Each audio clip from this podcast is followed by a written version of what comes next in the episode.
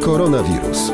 Bądź bezpieczny koronawirus.ro.com.pl. Na ten adres mogą Państwo przesyłać swoje pytania i wątpliwości związane z pandemią.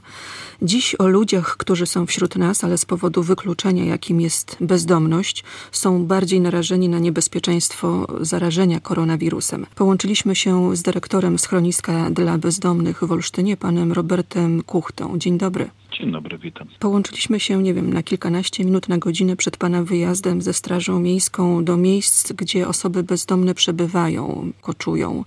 Co jest celem tego wyjazdu? Co chcecie Państwo osiągnąć? Musimy zobaczyć, co się dzieje u naszych podopiecznych, którzy mieszkają poza noclegownią i schroniskiem. Pomimo tego, że mamy braki kadrowe, Straż Miejska też jest w okrojonym składzie, ale chcemy wykorzystać wszystkie możliwości, żeby dotrzeć do tych ludzi. Oczywiście do wszystkich nie dotrzemy. Wiem to na pewno, bo te osoby są bardzo mobilne, także na pewno do wszystkich nie dotrzemy. Dwa tygodnie temu byliśmy u tych ludzi i rozwoziliśmy im żywność. Dzisiaj chcemy też zmierzyć im temperaturę, zapytać się, jakie mają potrzeby, czy się dobrze czują. E, a w przyszłym tygodniu razem z Bankiem Żywności tuż przed świętami chcemy rozwieźć żywność, żeby mogli spokojnie spędzić te święta. A ile osób jest y, na takich koczowiskach, a ile osób jest w schronisku? E, w schronisku jest 80, prawie 90 osób. Troszeczkę nam zeszła ta liczba. Niestety nasi podopieczni nie są w stanie wytrzymać e, tego obostrzenia, zakazu wychodzenia, przemieszczania się na samym początku 16, jak wprowadziliśmy zdecydowany zakaz wychodzenia, niestety paręnaście osób nie wytrzymało i uciekło. Natomiast na koczowiskach e, ta liczba jest dosyć płynna, ale w okolicach 30 osób to tak regularnie przybywa na terenie naszego miasta Olsztyna. Większość moich podopiecznych to jest jednak w wieku 60 plus i mają choroby współistniejące, także ryzyko zakorzenia byłoby dla, dla nich zabójcze. Czy w związku z wchodzącymi dziś kolejnymi nakazami i zakazami pan też przewiduje jakieś zmiany w funkcjonowaniu schroniska? Czy można jeszcze to znaczy, coś więcej zrobić? Wydaje mi się, że już chyba nie, bo my naprawdę do minimum ograniczyliśmy wyjścia naszych podopiecznych. Czasami musimy jedną osobę wypuścić do sklepu czy do apteki, żeby kupił zakupy wszystkim innym podopiecznym. Ta osoba jedna jest taka dosyć sumienna. Jest e, szansa, że pójdzie tylko i wyłącznie do tego sklepu i apteki. Może pójść między godziną 10 a 12. Tak, prawda? tak, tak. Dla nas to będzie też jakby ułatwienie, aczkolwiek e, dla nich bardzo trudno jest e, utrzymać ten reżim niewychodzenia z placówki, niechodzenia po znajomych.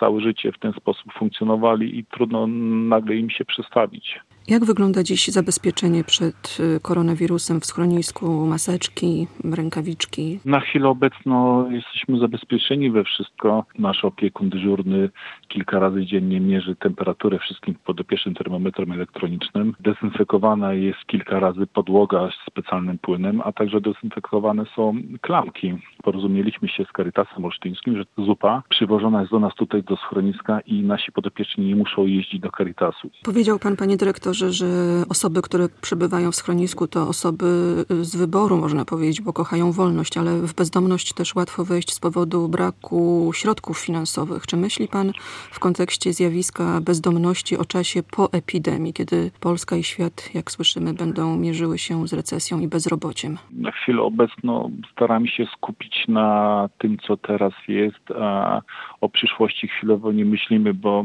moi podopieczni często do mnie przychodzą i pytają się, kiedy otworzymy bramy i drzwi i kiedy oni będą mogli wyjść na zewnątrz. Ja mówię, że nie wiem i nikt tego nie wie. Mówię o tym, czy ta sytuacja gospodarcza, ten kryzys, który mhm. nas czeka, czy wśród osób zajmujących się opieką społeczną, czy to jest, zaczyna być tematem? Powolutku tak zaczyna być. Dopiero zauważamy, że rzeczywiście może taki kryzys dla nas też przyjść. Mamy jednego pana, który już jest na dobrej drodze, żeby wyjść z tej bezdomności i on podjął pracę. I bardzo długo się zastanawialiśmy, czy powiedzieć temu panowi, słuchaj, jest taka rzeczywistość zagrożenia, przestań pracować i zostań w schronisku, czy dalej jakby pozwolić mu chodzić do tej pracy, bo jego pracodawca cały czas funkcjonuje. Postanowiliśmy jednak, że rzeczywiście zaufamy mu i uczyliśmy go, jak zachować bezpieczeństwo nie, nie zarażenia się, wypuszczamy go poza teren schroniska, żeby pracował, żeby jednak nie przerwać procesu wychodzenia z bezdomności. Dużo osób y, już miało podjąć ten ostatni krok ku wyprowadzeniu się ze schroniska, bo dostało jakąś emeryturę, rentę.